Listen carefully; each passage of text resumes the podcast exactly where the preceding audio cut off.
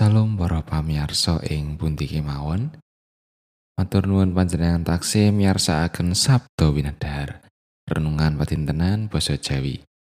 Sumangga sederengipun kita nampeni pangantikanipun Gusti, kita ndedonga.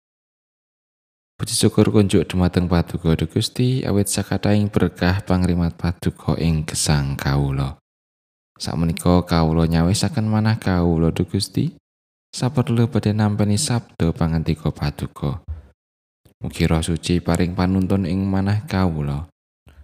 Mugi kawula kasagetaken mangertosi lan ndakaken dawuh paduka ing gesang patintenan. Kawula ngrumaosi dereng saged ngecakaken dawuh paduka kanthi sampurno. Mugi Gusti kersa ngapunteni. Wonten ing asmanipun Gusti Yesus Kristus juru wilujeng kawula ingkang gesang. Kawula ndedonga lan saos syukur. Amin. Waosan kapendet saking Yesaya bab 6 ayat setunggal dumugi wolu. Ing sajroning taun setane Sang Prabu Uzia, aku sumurup pangeran lenggah ing dampar kang dhuwur lan munggul. Tuwin poncoting jubahe ngebeki padaleman suci. Para serafim padha ngadeg ngubengi panjenengane. Siji-sijine padha aswiwin nem. Swiwine loro kanggo nutupi raine, loro kanggo nutupi sikile, lan loro kanggo mabur. Iku padha nguwuh sesauran, tembunge. Suci suci suci Pangeran Yewah Gustining sarwa tumita. Saentenging bumi kebak ing kamulyane. Dasaring dempele lawang padha gunjing, marga saka swara panguwuh iku. Duwin pateleman mau banjur kepekan ing kukus. Aku nuli ngucap, Bilai aku, aku tiwas. Amarga aku iki wong kang alam binajis. Sarto manggon ing satengahing bangsa kang najis lambene. Anging mripatku wis ndeleng Sang Prabu, yaiku Sang Yehuwa, Gustine sarwa tumita. Nanging para serafim mau ana siji kang banjur mabur marani aku. Tangane nyekel mawa, kang kajupuk nganggo sapit saka ing sandhuwure misbah. Mawa iku kasenggolake ing cangkemku kelawan pratela mangkene. Delengen, la iki wis ngepok lambemu. Dadine kaluputanmu wis sirna lan dosamu wis kaapura. Aku nuli krungu swaraning pangeran kang ngandika.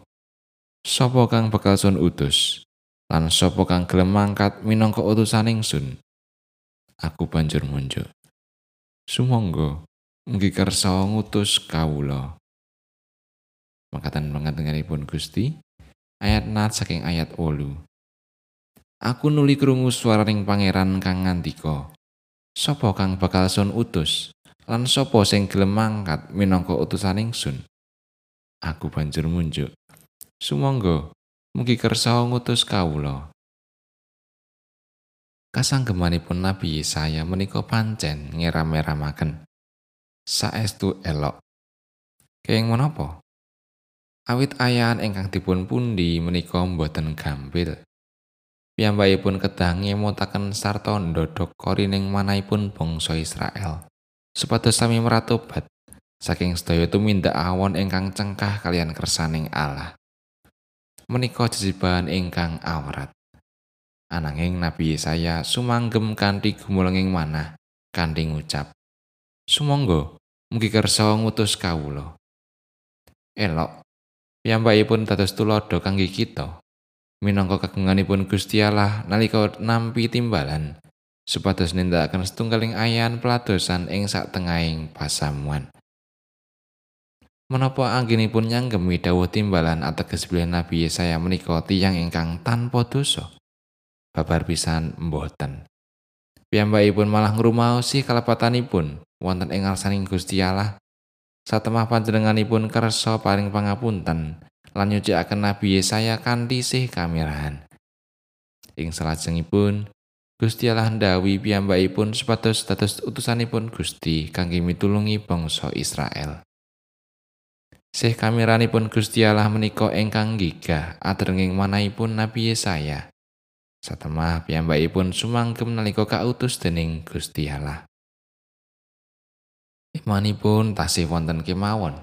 Tiang pitados ingkang dereng purun nindakaken ayan peladosan ing setengahing gesang pasamuan. Sae ing bab timbalan dados pradataning pasamuan utawi nalika katimbalan leladi minangka paraganing komisi utawi bebadan sanesipun. Wonten ingkang rumaos minder, wonten ingkang rumaos dereng pantes, lan wonten ugi ingkang rumaos dereng kober wekdalipun. Pancen boten gampil. Mugi patuladanipun Nabi Yesaya nggigah manah saben warganing pasamuan supados nggadahi krentek sumadya ngestuaken dawuh timbalan nindakaken peladosan minangka wujud bekti ing ngarsanipun Gusti Allah. Gusti Allah mesti paring kasagetan. Amin.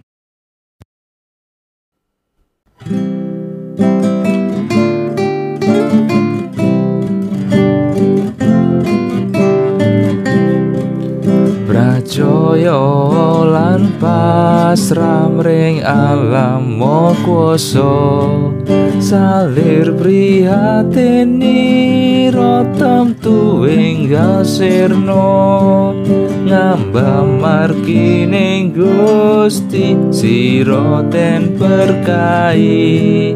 Dan santo kabejan datang kewirangan